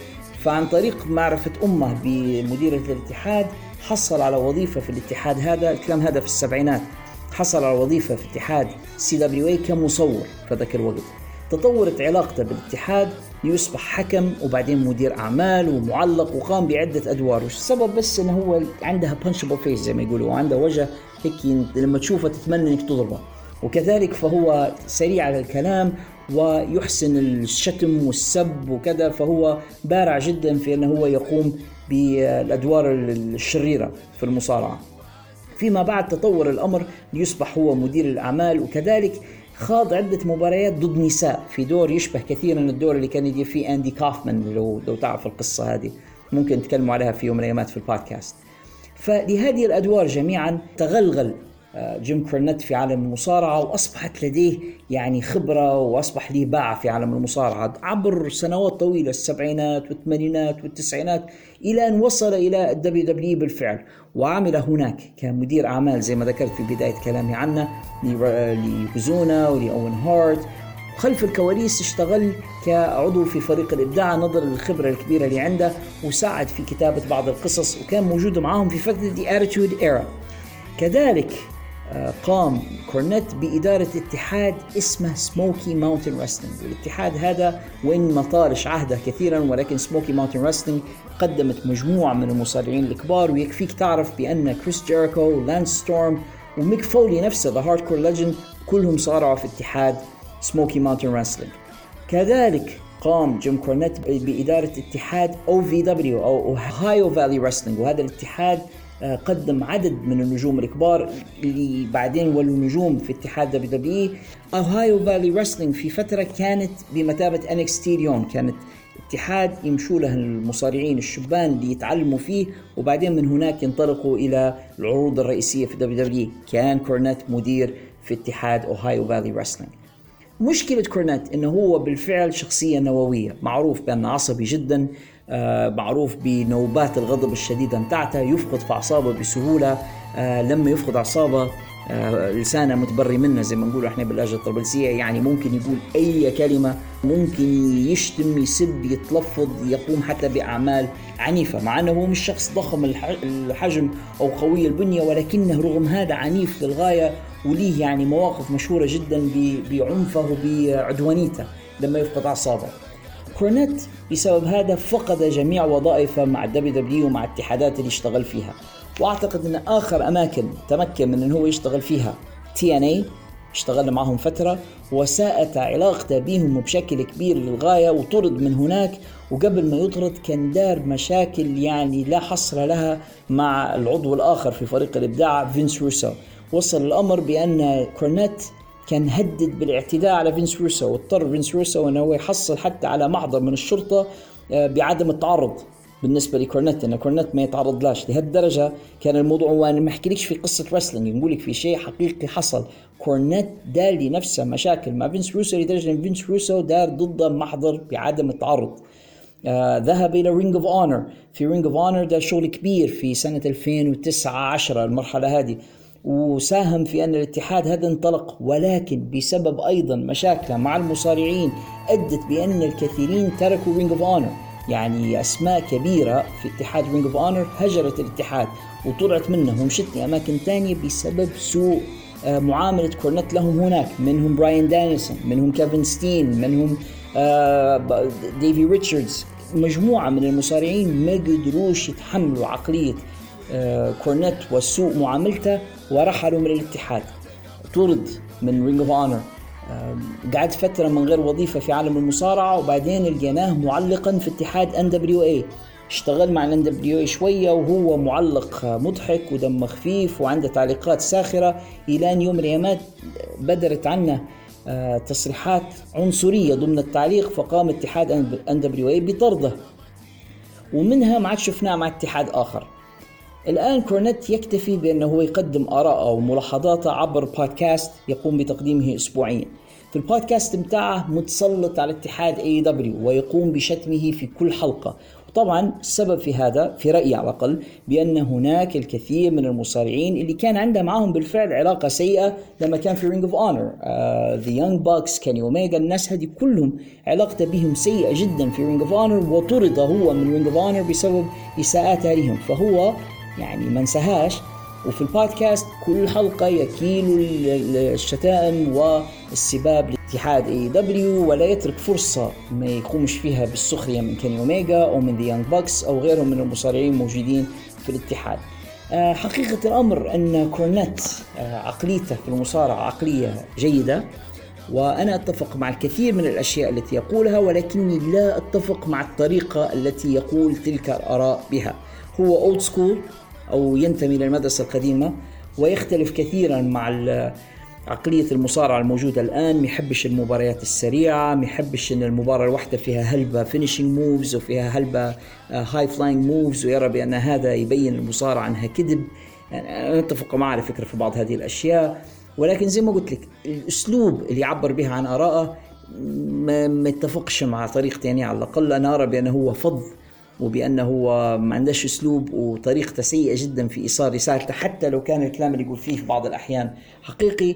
وأرى أيضا بأنه هو غير منصف في الكثير من آرائه بمعنى أنه هو لو يحب مصارع فهو يبالغ في كيل المديح له ولو يكره مصارع سيبالغ أيضا في شتمه ولكنه فإنه يتكلم عليه بطريقة سيئة. ما عندهاش منطقة وسط كورنيت وما هواش إنسان منصف وبالتالي لا أنصح أحد من مستمعينا بأنه هو يعتمد تماما على آراء جيم كورنيت كمرجع نهائي في عالم المصارعة. حكم رأيك اسمع لعدة آراء اسمع لي أنا اسمع لي podcasters آخرين وكون رأي خاص بك هذا كان جيم كورنيت يا صديقي حسين. شكرا لك مرة أخرى على أسئلتك وكذلك لمساعدتك لبودكاست يعني أنت عندك أدوار تقوم بها حتى خارج الكواليس معي أنت عارفها وأنا أعرفها. آه، فبارك الله فيك وشكرا لك يا صديقنا حسين وما تحرمناش من هذه الأسئلة. شقيق حسين التوأم حسن. حتى هو لديه أسئلة قام بإرسالها إلينا لهذه الحلقة أعزائنا المستمعين. صديقنا حسن يسأل عن MVP وهل هو حقا مسلم أم أنه ترك الإسلام؟ شكرا لك يا حسن أنت العضو الثاني في فريق The Young Bucks بينك وبين حسين ودائما من elite هذا البودكاست وأنا سعيد ديما لما أنتم ترسلوني بالذات. بالنسبة للمصارع MVP هل هو مسلم أم لا؟ آه، الموضوع هذا مؤسف بعض الشيء. أنا الحقيقة لا أحب أن أخوض كثيرا في ديانات الآخرين ومعتقداتهم لأنها أنا شخصيا أراها آه، منطقة شخصية شوية وفي النهاية يعني كل واحد حر في في دينه يعني. ورب العالمين في القرآن قال لكم دينكم ولي دين. فأنا الحق لا أحب الخوض في هذا ولكن لكي أجيب سؤالك الباين يا صديقنا حسن بأن المصارع MVP قد ترك الإسلام. اللي نعرفوه بأن MVP كان قد دخل الإسلام عندما كان في السجن. اعتنق الإسلام في فترة ما قبل أن يدخل المصارعة. قبل أن يصبح مصارعا محترفا كان MVP عضو في عصابة وكان قد ألقي القبض عليه واثناء فترة سجنه اعتنق الإسلام. وهذه ظاهرة منتشرة في الولايات المتحدة بين الكثير من ذوي البشرة السمراء من غير المسلمين يزوروا فيهم دعاة آه، مسلمين. كان زمان المرحوم بإذن الله محمد علي كلاي يزور المساجين السود في السجون ويدعوهم إلى الإسلام يعني هذا كان مشهور بها. وهناك كثير من الدعاة المسلمين الذين يقومون بهذا العمل. يبدو بأن بعض هؤلاء قد وصل إلى هذا الرجل عندما كان في السجن ودعوه إلى الإسلام واعتنق الإسلام بالفعل وغير اسمه إلى آه، حسب ما قريت أنا أسعد حسن. وظل على الإسلام لفترة وخرج من السجن والتحق بعدين بالمصارعة وأصبح مصارعا محترفا واشتهر بالاسم MVP وخلال هذيك الفترة كلها إحنا نعرفوه مسلم. ولكنه مؤخرا رأينا له بعض ال tweets أو بعض التغريدات عبر وسائل التواصل الاجتماعي في تويتر آه، قال فيها بأنه ملحد بأنه هو atheist وبأنه لا يؤمن بإله ولا يؤمن برب أو كذا. فلا حول ولا قوة إلا بالله الباين الراجل ارتد عن الإسلام أو ترك الإسلام. وهذا الموضوع يعني زي ما قلت لكم لا أحب الخوض فيه كثيرا لأني أراه من خصوصيات البشر وما يهمناش كثيرا إحنا كمتابعين مصارعة يعني يهمني بالدرجة الأولى أدائهم في الحلبة من عدمة. لكن آه إذا كنا نبغى نتكلم شوية في هذه الظاهرة البعض من هؤلاء عندما يعتنق الإسلام فإن الإسلام لا يدخل قلبه حقيقة. بعض بعض الناس خاصة هؤلاء يعني من ذوي البشرة السمراء في أمريكا يدخل الإسلام من باب التعصب لأصله. يقول لك أنا أفريقي الأصل وأجدادي كانوا مسلمين وبالتالي فأنا أريد أن أرجع إلى الأصول وأرجع إلى my roots زي ما يقولوا أو إلى جذوري. فأنا أجدادي كانوا مسلمين فأنا أعلن بأن يعني حتى أنا مسلم. وهذا من باب أنه بيخالف البيض المسيحيين أو اليهود الذين جلبوهم من من أفريقيا إلى الولايات المتحدة واسترقوا أجداده واستعبدوهم. فيقول لك أنا سأرجع إلى آه، دين الأجداد. ولكن الكثير من هؤلاء يعلن آه، اعتناق الإسلام دون أن يكون مسلم حقيقي يعني دون أن يكون ممارس للإسلام يعني ما يصليش ما آه، ما يقراش في القرآن ما يمارسش في طقوس الدين الإسلامي بالطريقة الصحيحة. ربما تجده مسلما وهو يشرب الخمر أو تجده مسلما وهو يتعاطى المخدرات وكذا ويقول لك أنا مسلم. يعني كلمة الإسلام هذا بالنسبة له هو أكثر من ممارسة أو من دين آه، يعتنقه مجرد هوية. يقول لك أنا مسلم من باب مخالفة زي ما قلت لك الرجل الأبيض. وبعض هؤلاء عندما يمل أو يسأم من هذا يطلع منا مرة واحدة. وشفنا للأسف يعني نماذج كثيرة. يعني لو نقول لك وفاجئك بأن سنوب دوغ الرابر المشهور يقولوا بأنه مسلم. الله أعلم كيف ولكن هذا اللي يقولوا فيه آه، مايك تايسون يقولون إنه مسلم مع أن رينا منا الكثير من المخالفات وهو يدعي بأنه مسلم. يعني اقلها التاتو في وجهه. فأنا أعتقد والله أعلم إن ام في بي كان أحد هؤلاء. اعتنق الاسلام يعني بلسانه ولكن للأسف لم يدخل قلبه وبالتالي كان خروجه منه سهل للغاية نسأل الله يثبتنا جميعا على دين الحق وأن يهدينا لما فيه الخير ولما فيه الصواب و MVP إذا كان ربي يبي به خير إن شاء الله يرجع إلى دين الحق وإلى الإسلام وإذا كان لا ربي يبعده وخلاص. هذا بالنسبة لسؤالك عن MVP سؤالك الآخر عن ديف باتيستا ولماذا يخجل من المصارعة؟ وهل يفضل أنه يكون ممثل أو أنه يكون مصارع؟ أنا لا أعتقد يا حسن بأن ديف باتيستا نجم المصارع الكبير وبطل ال WWE عدة مرات أنه هو يخجل من مصارعة المحترفين. بالعكس أعتقد بأن المصارعة كان أحد الأشياء اللي كانت صاحبة فضل عليه. ولو أنت تتبع لقاءات مدايرها ديف باتيستا أو تشوف الوثائق اللي ندار عليه حتشوف بأن باتيستا يحب المصارعة وبأن المصارعة هذه أنقذته من الكثير من المشاكل التي كان يمر بها حتى في حياته الخاصة. لكن في هوليوود آه، نظرة إلى المصارعين نظرة دونية. يعني مش إن باتيستا ينظر للمصارعه نظرة دونية ولكن هوليوود تتعامل مع المصارعة نظرة دونية. تشوف للمصارعة لما يجي يمثل بأنه هو شخص آه، فوضوي همجي ما يجيدش التمثيل مع أن هناك عدة مصارعين يعني عبر السنوات أثبتوا العكس. من أبرزهم دوين جونسون ذا روك جون سينا حتى هو يعني في الفترة الأخيرة يبدع ويتألق في عالم التمثيل مع أنه جاي من خلفية عالم المصارعة. يعني هناك الآن ممثلون يقومون بتغيير هذه الصورة. ولكن إلى عهد قريب كانت النظرة للممثل اللي هو مصارع بأنه أقل. وبالتالي يدفع له أموال أقل. يعني ممكن نشبهها لك بطريقة أخرى. هناك بعض الجامعات تنظر إلى المكان اللي أنت قاري فيه قبل. يعني مثلا أنت ماشي بتقرأ دراسات عليا في اوكسفورد ولا وين يشوفوك أنت مو متخرج. متخرج من جامعة كذا أو جامعة كذا. خريجي جامعات معينة يحصلوا أفضلية في عند الترشح ل ييل واوكسفورد أو سوربون وحاجات زي فحتى هوليوود ينظروا للممثل من وين جاي. إذا جاي من معهد تمثيل ومقرينه اساتذه وشني ينظر إليه إنه نجم كبير ويعطوه فرصة. أكثر من واحد يقول لك أنا كنت مصارع. النظرة للمصارعة ولبعض المهن الأخرى لما يلتحقوا بهوليوود أقل من نظرتهم إلى خريجي معاهد التمثيل الكبرى والأكاديميات واللي قاريين عند أساتذة واللي مشوا برا وإلى آخره. لهذا السبب بعض الناس زي ديف باتيستا لما ينضموا إلى هوليوود يحاولوا إن هم يتنصلوا من ماضيهم ك wrestlers ويبينوا بأن إحنا ممثلين فقط وبأن أنا an actor وكلام زي هذا.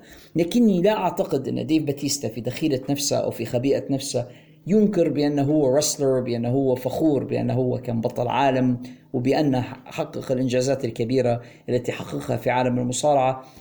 كيف لا؟ وهم يقولوا بأن once a wrestler always a wrestler. يعني إذا أنت مارست المصارعة حتقعد مصارعة إلى آخر عمرك. ولكن في هوليوود الدور هذا لا يلائمه وبالتالي هو يحاول دوما التنصل منه. هذا كان رأيي بالنسبة للسؤال هذا. شكرا لك يا حسن على هذا السؤال الوجيه وما تحرمناش من المزيد من هذه الأسئلة. إحنا دائما محتاجين إليها. الصديق محمد رشدية أعتقد هيك اسمه مكتوب من عمان الأردن. صديق جديد ومستمع جديد لهذا البودكاست أرحب به وبسؤاله حيث يسألني من أين يمكنه الحصول على مباريات قديمة لمصارعين زي سمى كريس وسمى أعتقد لما كتب كريس يقصد كريس بنوا وغيره من المصارعين القدامى في عالم المصارعة. شكرا لك يا محمد على سؤالك ومرحبا بك معنا في الحلبة وأرجو أنك أنت تقعد معنا مستمع إلى هذا البودكاست. بالنسبة لإجابة سؤالك الإجابة ال politically correct اللي المفروض نقدمها لك كمقدم لبودكاست محترم هو إني نقول لك إنك تذهب إلى البيكوك network اللي موجود عليه الآن عروض WWE الحالية والقديمة وستجد هناك أطنان من عروض المصارعة القديمة أو إنك تشترك في ال GWN اللي هو Global Wrestling Network اللي يقدم عليها الكثير من المصارعة القديمة. وهناك خدمة أخرى هي Impact Plus تجد عليها الكثير من مباريات ووثائقيات Impact Wrestling القديمة. هناك أيضا The Honor Club من اتحاد Ring of Honor هناك آه، خدمة streaming حتى هي ل New Japan Pro Wrestling اسمها New Japan World الكثير من هذه الخدمات streaming أو آه، خدمات البث عبر الإنترنت موجودة بالاشتراك وتدفع مقابلها وتستطيع الحصول على كل ما تريده من مصارعة قديمة. هذه الإجابة ال politically correct ولكن الإجابة الواقعية والحقيقية أن أغلبنا ولكن الإجابة الحقيقية هي أن أغلبنا لا يستطيع القيام بذلك. إما بسبب عدم توفر هذه المنصات في بلداننا زي أنا مثلا أكلم فيك من ليبيا ما عنديش أكسس لل للبلاتفورمز هذه مش موجودة عندي ما عنديش كيف إني ندفع مقابلها حتى لو كنت نبي يعني. وأغلبنا كذلك ماليا لا يستطيع انه يشترك في كل هذه الخدمات خاصة ان هي بالعملة الأجنبية الصعبة. وبالتالي ما العمل؟ قدامك يا صديقي ثلاثة حاجات وهي كلها عن طريق الإنترنت. الأول يوتيوب. يوتيوب مصدر غير عادي للحصول على الكثير من هذه المواد. الشرط بس إنك تعرف عما تبحث.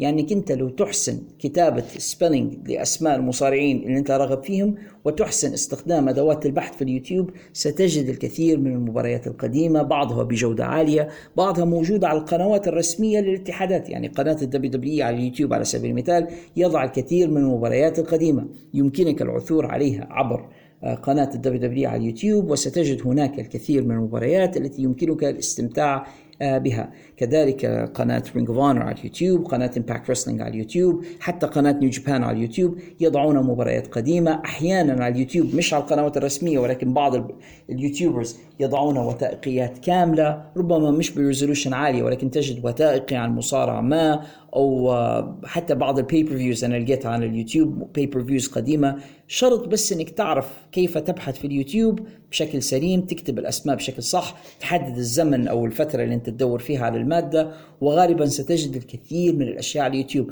هناك موقع آخر منصة أخرى مش مشهورة بنفس شهرة اليوتيوب هي منصة ديلي موشن ديلي موشن D A I L Y M O T I O N ديلي موشن ميزتها بأنها ما عندهاش نفس معايير اليوتيوب من حيث المحتوى ال trademark شنو نقصد؟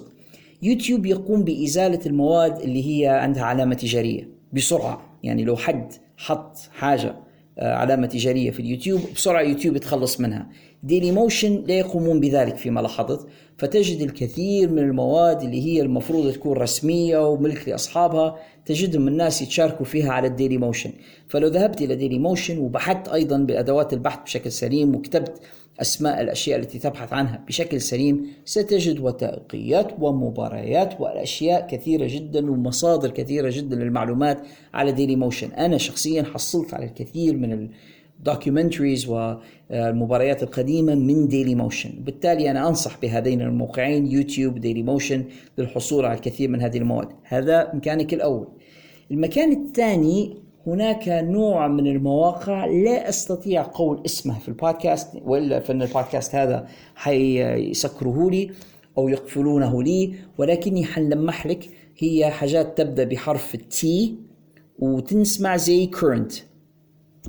أو ترجمتها باللغة العربية تيار. يعني شن ترجمة تيار باللغة الإنجليزية وحرف الأول منها تي. وصلت الحاجات هذه لو دورت فيها ستجد أطنان من ال pay-per-views ومن المصارعة ومن الأحداث ومن ال documentaries. لا تعد ولا تحصى. ويعني أغلب متابعين المصارعه في الشرق الأوسط والدول الغلبانة اللي زي نحن يتحصل على المصارعة عن طريق هذه المواقع. آه، عيبها طبعا إن هي illegal سأكون صريحه معك لو أنت بتتعامل مع هذه الأشياء ولا أنصحك بذلك هي illegal والمادة اللي عليها غالبا pirated أو مقرصنة ولا تبقى اونلاين كثيرا يعني المادة لما تكون جديدة تلقاها لكن بعد فترة إما أنهم يكونوا قد قاموا بحذفها أو لا يقوم الكثيرون بتشاركها وبالتالي ال seeds تكون منخفضة وما تقدرش تحصل عليها بشكل سريع. لهذا المواقع هي بتاعت التيار. أنت تو أظني فهمت علشان نتكلم قد تجد عليها بعض هذه المواد ولكني لا أنصح بهذه الطريقة.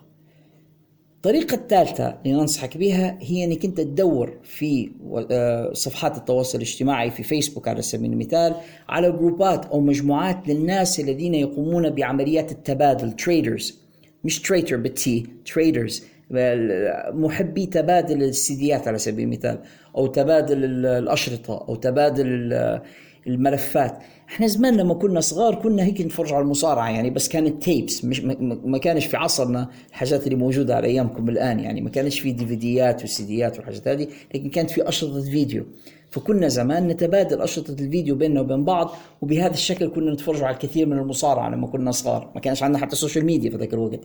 آه أنتم الآن عن طريق ال social media ممكن آه، تلقوا أو تجدوا جروبات أو مجموعات لمحبي تبادل أشرطة المصارعة أو ديفيديات المصارعة أو كذا. فتجد أحدهم مثلا لديه مجموعة من مباريات.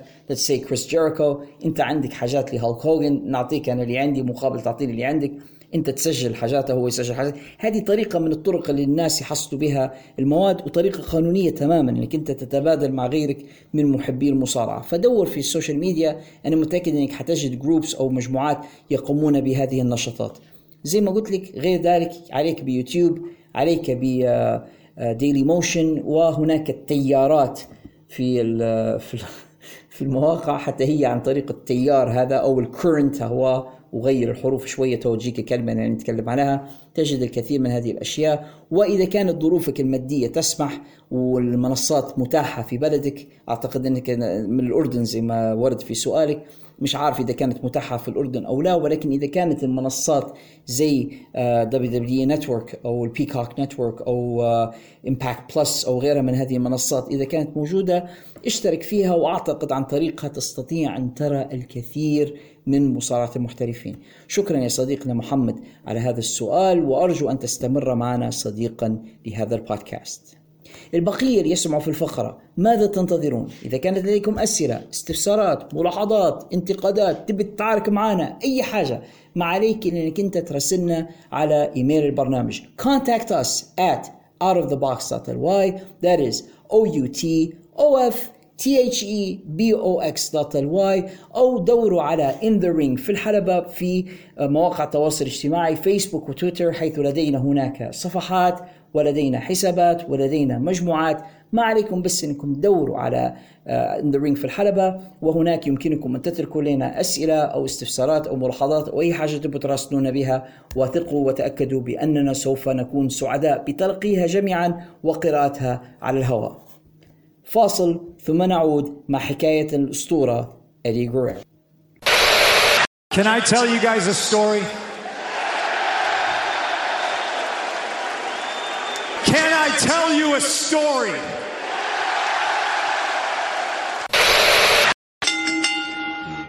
Latino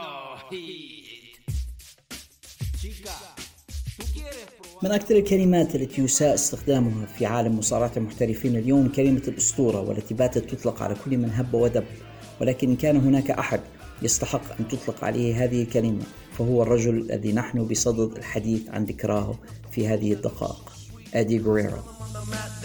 ولد أدي غوريرو في التاسع من أكتوبر سنة 1967 لعائلة غوريرو الشهيرة في عالم مصارعة المحترفين في منطقة الباسو. بولاية تكساس الأمريكية. عائلة غوريرو هي أحدى عائلات المصارعة الشهيرة شبيهة بعائلة فون إيريك أيضا في تكساس أو عائلة هارت في كندا وعائلة غانيا في مينيسوتا وغيرها من عائلات المصارعة الشهيرة. عائلة غوريرو والتي كان كبيرها غوري غوريرو والد أدي وكان له مجموعة من الإخوة كان هو أصغرهم. ولأنه نشأ في عالم اشتهر برياضة مصارعة المحترفين فقد تعلم هذه الرياضة منذ الصغر وكان مطلوب منه أن يكون أبرع من الجميع فيها. دربه والده وإخوته الكبار وأصبح بارعا جدا في المصارعة منذ سن مبكر. وبعد أن صارع لبعض الوقت في اتحاد والده في الباسو ذهب إلى اليابان حيث صارع تحت قناع باسم Black Wolf أو الذئب الأسود. وهناك التقى بصديق عمره المصارع الراحل سيء الذكر كريس بنوا بعد أن اشتهر أدي غوريرو في اليابان انتقل إلى الولايات المتحدة وتحديدا إلى اتحاد ECW الذي كان يديره في ذلك الوقت بول هيمن أدي كان لديه جميع مقومات النجم. كان عنده الشكل الوسيم البنية الرياضية المتناسقة الحركات البارعة المهارة داخل الحلبة وكان بارع جدا في إلقاء ال promos. كانت مشكلته الوحيدة صغر الحجم. آه، أدي غوريرو لم يكن يتميز بحجم كبير كان يميل إلى قصر القامة ولم يكن ضخم الجثة وبالتالي كان عليه أن يجتهد بشكل مبالغ فيه لكي يستطيع أن ينافس ويبرز إلى جوار نجوم المصارعة الكبار اللي كانوا موجودين في تلك الفترة وخاصة نتكلموا على الفترة التي كان فيها النجومية والصدارة في عالم المصارعة للعمالقة. لم يكن أدي من أحد هؤلاء وبالتالي كان عليه أن يعمل بشكل مضاعف لكي يبرز إلى جوارهم اشتغل لفترة طويلة في اتحاد ECW وبرز هناك في مباريات رائعة ضد صديقه كريس بانوا وأيضا ضد دين مالينكو الذي قدم معه وضده مجموعة من المباريات الكلاسيكية الرائعة والتي كانت بالفعل يعني من كلاسيكيات مصارعة المحترفين بعد فترة انتقل أدي ومعه أيضا دين مالينكو وكريس بانوا إلى اتحاد WCW الأكبر والأكثر شهرة. مقابل طبعا أموال ومقابل مزيد من الاستقرار المادي. في WCW برز ادي غوريرو كذلك ولكن واجهتها نفس المشكلة التي واجهته في بقية الاتحادات التي تصارع فيها صغر حجمه وبالتالي وضع حصرا ضمن خانة ال cruiserweights أو مصارعي الوزن الخفيف ولم يأخذ وضعه في مواجهة النجوم الكبار أمثال هالك هوجن وستينج ورودي بايبر وغيرهم من النجوم الذين كانوا يتصدرون المشهد في WCW برغم مطالبات وإلحاح أدي إنه يتحصل على فرصة لمواجهة النجوم الكبار. تعرض أدي غوريرو أثناء آه، تواجده في WCW إلى إصابة في الظهر. وأعتقد أن هذه الإصابة كانت هي نقطة التحول في مسيرة أدي غوريرو حيث بسبب هذه الإصابة ولاستعجاله العودة إلى الحلبة الراجل Latino وعنده تلك الدماء اللاتينية الساخنة وكان يرغب في العودة بسرعة والبروز من جديد على الحلبات بدأ في تعاطي المسكنات أو ما يسمى بالإنجليزية painkillers قاتلات الألم. وللأسف يبدو بأنه قد أدمن على تعاطي تلك المواد. ال painkillers للأسف الشديد أو المسكنات تشكل بالنسبة لمتعاطيها gateway أو آه، بوابة إلى المخدرات الأكثر خطورة فيما بعد. لأنه من البين كيلرز انتقل بعد ذلك إلى تعاطي المخدرات بشكل مباشر وأصبح مدمنا عليها. هذا الشيء أثر كثيرا على حياة إدي غريرو وعلى صحته كذلك. للأسف أدي برغم إبداعه كمصارع ولكنه كانت لديه مشكلة إدمان خطيرة. هذه المشكلة هددت بتدمير حياته أكثر من مرة. كان أدي في هذه الفترة قد تزوج وأنجب ابنه وبدأ بأن حياته آه، آخذة في الاستقرار ولكن شيطان المخدرات ظل يطارده في كل مكان.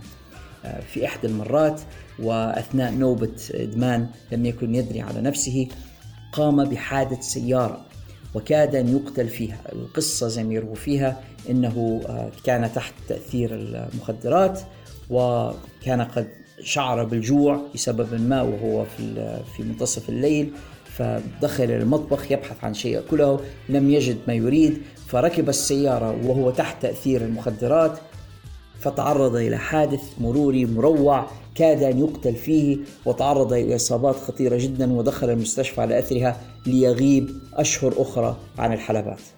لم تكن علاقته جيدة مع مسؤولي WCW بالطبع وكان منه أن قدم استقالته وانتقل مع أصدقائه دين مالينكو وكريس بانوا إلى اتحاد WWF وقتها ما زال ما بداش أسمه WWE في ال WWE برز إدي غريرو كذلك. أيضا في دور المصارعة ذي الوزن الخفيف وكان قد منحوه character أو gimmick إنه هو ال Latino Heat وكانت الشخصية مسلية وممتعة وبرز من خلالها واستطاع أن يظهر جوانب أخرى كوميدية من شخصيته كما وضع في في علاقة حب وكراهية مع صديقه ري ميستيريو الذي خاض معه مباريات ثنائية ثم ضده مباريات يعني one on one كخصمين أسطوريين وكانت بيناتهم مباريات رائعة للغاية. ولكن شبح المخدرات ظلت تطارد إيدي غريرو في WWE والمشكلة تفاقمت وازدادت إلى درجة بأن أصدقاء أدي في الاتحاد هم الذين قاموا بالإبلاغ عن أدي وأبلغوا آه، مسؤولي الاتحاد بأن أدي لديه مشكلة وبأن أدي ربما سيتسبب في قتل نفسه لو استمر بهذا الشكل. ما قاد مسؤولي دبليو إلى فسخ العقد معه وطرده من الاتحاد. الفترة هذه كانت صعبة جدا على إدي غوريرو حيث تركته زوجته كذلك ووجد نفسه بدون اتحاد يعمل به بدون زوجة. عائلته نفسها عائلة غوريرو قاموا بالتنصل منه قالوا له عليك أن تحل مشكلتك. يعني لا تتواصل معنا حتى آه، تكف عن هذه العادة وتعود إلى صوابك. دخل أدي برنامج ريهاب أو برنامج إعادة تأهيل شديد ضد تعاطي المخدرات والكحول وكان عليه دخول تحدي شديد مع نفسه لكي يكف عن هذه العادات المدمرة التي تهدد بالقضاء على كل شيء حيث خسر وظيفته خسر عائلته خسر كل شيء. خلال هذه الفترة قام أدي غوريرو بإعادة اختراع نفسه. وقدم الكثير من المباريات الجيدة ضمن اتحادات المصارعة المستقلة ال indies. بل وظهر في أولى عروض Ring of Honor هناك مع مجموعة من المصارعين الشبان الذين ساعد في تقديمهم إلى الجمهور من خلال Ring of Honor وسمع به مسؤولو WW ورأوا بأن يبدو أن أدي غوريرو قد تحسن وعاد إلى صوابه وكف عن الإدمان و دخل في فورمة المصارعة من جديد فقاموا بإعادة التوقيع معه. طبعا أعادوه ولكن أبقوه تحت المراقبة ليروا هل سيستقيم حاله بالفعل أم سيعود إلى التعاطي وإلى الإدمان. إلا أن أدي قد أبدى سلوكا جيدا. ما جعل مسؤولي ال WW يقررون مكافأته بتركه يفوز ببطولة العالم. وقد كان الأمر بالفعل في عرض No Way Out سنة 2004 في مباراة أسطورية ضد العملاق بروك ليزنر واحدة من أجمل المباريات التي أراها خلال تلك الفترة. إدي غوريرو صغير الحجم نسبيا ضد العملاق بروك ليزنر في مباراة أسطورية فاز فيها ببطولة العالم. حافظ على اللقب حتى WrestleMania اللي بعدها وانتصر على كورت انجل في WrestleMania 20 في ماديسون سكوير جاردن ولا يستطيع أحد أن ينسى ذلك المشهد الأسطوري أدي غوريرو وصديقه كريس بانوا وهما واقفان في منتصف ماديسون سكوير جاردن في نهائي WrestleMania 20 والكونفتي أو الأوراق الملونة تتساقط عليهما من السقف كان من أجمل المناظر التي أراها في تاريخ المصارعه وواحده من. الذكريات التي عندما أزورها في مخيلتي يعني لا أستطيع أن أمنع عيني من أن تذرف الدموع يعني كان من أجمل المشاهد أن أرى كريس بانوا وادي جوريرو وقد بلغ القمة في عالم مصارعة المحترفين. ولكن للأسف مشاكل أدي السابقة والتاريخ من تعاطي المخدرات والمنشطات والشرب كان قد لحق به ولم يتحمل جسده الصغير الوزن الذي أضاف إليه بالمنشطات وبالهرمونات والمواد الغير صحية التي كان يتعاطاها جميعا. فكف قلبه عن العمل أثناء نومه في مينيسوتا أثناء ما كانوا مسافرين لإقامة أحد العروض في مدينة مينيسوتا وعثر عليه ابن أخيه وصديقه. شافو غريرو ميتا في غرفته في الفندق في سنة 2005 في واحدة من أشد الذكريات في تاريخ عالم المصارعة إثارة للحزن. داخل الحلبة كان إيدي غوريرو شعر بمعنى الكلمة رسام. مبارياته كانت تتسم بالسرعة بالحركة بالحركات الهوائية. كان creative أو كثير أو, أو, أو مبدع داخل الحلبة. يستطيع أن يقوم بحركات لا يستطيع أغلب المصارعين حتى تخيلها. كان سابق لزمنه بفترة طويلة جدا الحركة اللي عنده والسرعة والقوة والبراعة والقدرة على الابتكار آه، خارج الحلبة يحكوا عليه بأنه كان شخص طيب وكان شخص friendly ولطيف مع مع الناس ولكن المشاكل التي حكيت لكم عليها هي التي عجلت برحيله عن هذه الدنيا. نتعلم درس من هذه الحكاية وأعتقد أن هذا الغاية والغرض من أن نقوم بقص مثل هذه الحكايات أن نتعلم منها ونستخلص العبرة والعبر الدرس هو أن نبتعد كل الابتعاد عن المنشطات والمخدرات والكحول وكل ما حرمه ديننا الحنيف وكل ما يمنعه القانون. هذه المواد لم يحرمها الله سبحانه وتعالى إلا لأنها مؤذية لنا لأنها خبيثة. نرى رياضي رائع مثل أدي غوريرو انتهت مسيرته ومات بسبب هذا التعاطي. فلنتعلم من ذلك ولنتعظ لعلنا ننجو من مثل هذه المخاطر. أدي غوريرو كان مصارع عظيم وترك فراغا كبيرا في عالم المصارعة لم يستطع إلى الآن أي مصارع لاتيني آخر أن يحله. يعني حاولوا ال WWE وغيرهم من الاتحادات أنهم يصنعوا مصارع آخر يكون له مثل التأثير الذي كان لأدي غوريرو ولكن لا أعتقد بأن أحد يستطيع أن يملأ الفراغ الذي تركه أدي. غوريرو قبل نهاية البودكاست لهذا الأسبوع في موضوع اللي بنتكلم معكم فيه هو صحيح ما ليش علاقة بمصارعة المحترفين ولكن قبل أن أكون podcaster فأنا podcaster ليبي ولأن ليبيا تهمني فضروري أن أتكلم في بعض الأحيان حتى لو كان معنى ذلك أن أخرج عن الموضوع اللي إحنا عادة نتكلم عنه وهو مصارعة المحترفين. زي ما إحنا عارفين بأن منتخب ليبيا الآن يخوض التصفيات المؤهلة لكأس العالم 2022 في الشقيقة قطر. وفي نفس المجموعة معنا المنتخب المصري. وعلى هامش المباراة التي كانت ستعقد ما بين ليبيا ومصر يوم الجمعة الماضي كان أحد إعلاميي دولة مصر قد تطاول على ليبيا كلها عبر برنامجه الإذاعي لمجرد أنه يريد التسخين لمباراة ليبيا ومصر. هذا الإعلامي لن أقوم بذكر اسمه ولن أدنس البودكاست به آه، ويكفي بس أن أقول لكم بأنه هو مضرب المثل في الكذب وفي النفاق وفي ازدواج المعايير وفي بأنه آه، شخص آه، ذو وجهين. وعندما يسألني بعضهم لماذا لا تريد أن تكون إعلاميا في التلفزيون أجيبهم بأنني لا أريد أن أكون مثل فلان. يعني مجرد أن هذا الشخص يشتغل في التلفزيون جعلني أنفر من فكرة أن أكون إعلاميا تلفزيونيا أو أن أكون لي أي علاقة بمجال التلفزيون لمجرد أن مثل هذا الشخص يشتغل فيه. هذا رأيي أنا فيه هذا الإعلامي سوى هو أو بقية جوقة الإعلاميين المصريين اللي موجودين على الساحة الآن. علاقتنا بالشقيقة مصر أعمق وأكبر من مجرد مباراة كرة قدم. مصر دولة شقيقة دولة مسلمة دولة عربية عندنا منها أصدقاء عندنا منها أساتذة عندنا منها ناس نكن لهم الكثير من التقدير والاحترام. مصر فيها أدباء وعلماء ومشايخ ومفكرون ورياضيون. نكن لهم الكثير من التقدير والاحترام. ولا نسمح لأنفسنا بسبب ذلك أن نخوض في أعراضهم أو نتكلم عنهم أو أن نسخر منهم مهما كانت. وبالتالي فأنا لن أسمح لنفسي بالإساءة إلى مصر زي ما ذاك الإعلامي أساء إلى بلدي ليبيا. ولكن أريده أن يعلم سواء كان هو يستمع أو حد يستطيع أن يوصل له الصوت بأن الرد عليه ليس ما سيسمع بل ما سيرى. وحتى ولو أن إحنا خسرنا المباراة الأولى بفارق هدف واحد فإن المباراة التالية على أرضنا. ونحن نثق في قدرة أبنائنا على الفوز وعلى الوصول إلى شباككم وعلى التسجيل وعلى الوصول إلى كأس العالم. وحتى لو لم نصل حتى لو لم نفز في تلك المباراة ولم ندخل كأس العالم. هناك شيء أهم من ذلك هو أن ليبيا بإذن الله سوف تنتصر في معركة الحرية في معركة الديمقراطية في معركة التنمية شاء من شاء وأبى من أبى بإذن الله سبحانه وتعالى. ويكفي بأن ليبيا بعد ثورتها أقامت ديمقراطية حقيقية. أنا من غرفة الجلوس في منزلي في عنزارة في طرابلس الليبية أتكلم بكل حرية وأقول ما أريد وما أشاء ولا يتحكم فيها أحد إلا الله سبحانه وتعالى ثم ضميري. المباراة القادمة ستكون في ملعب بنينا في ليبيا.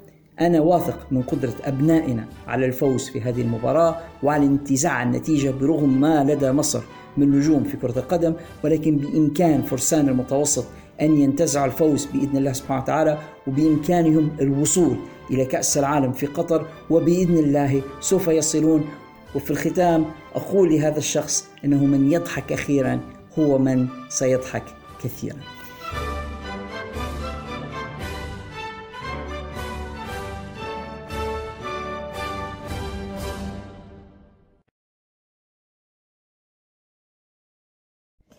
كان هذا كل ما لدينا لهذه الحلقة أعزائي المستمعين. أرجو أن تكونوا قد استمتعتم بها بقدر ما استمتعت أنا بإعدادها وتقديمها. إذا كان الأمر كذلك فرجاء لا تبخلوا علينا بترك علامة خمسة نجمات في ال app التي تستمعون إلينا من خلالها.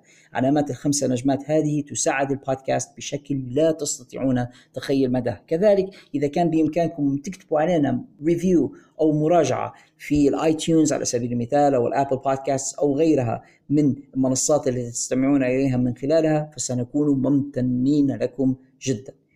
ما تنسوش تديروا like subscribe و share تشاركوا الحلقات مع أصدقائكم ومعارفكم وحدثوا عنا كل من تعرفونه من محبي المصارعة. خلوا هذا البودكاست يصل إلى أبعد مدى ممكن. آه، إذا كانت لديكم أسئلة ملاحظات استفسارات يمكنكم مراسلتنا زي ما قلنا على وسائل التواصل الاجتماعي فيسبوك وتويتر حيث يمكنكم العثور على صفحاتنا وحساباتنا. فقط ابحثوا عن In the Ring في الحلبة.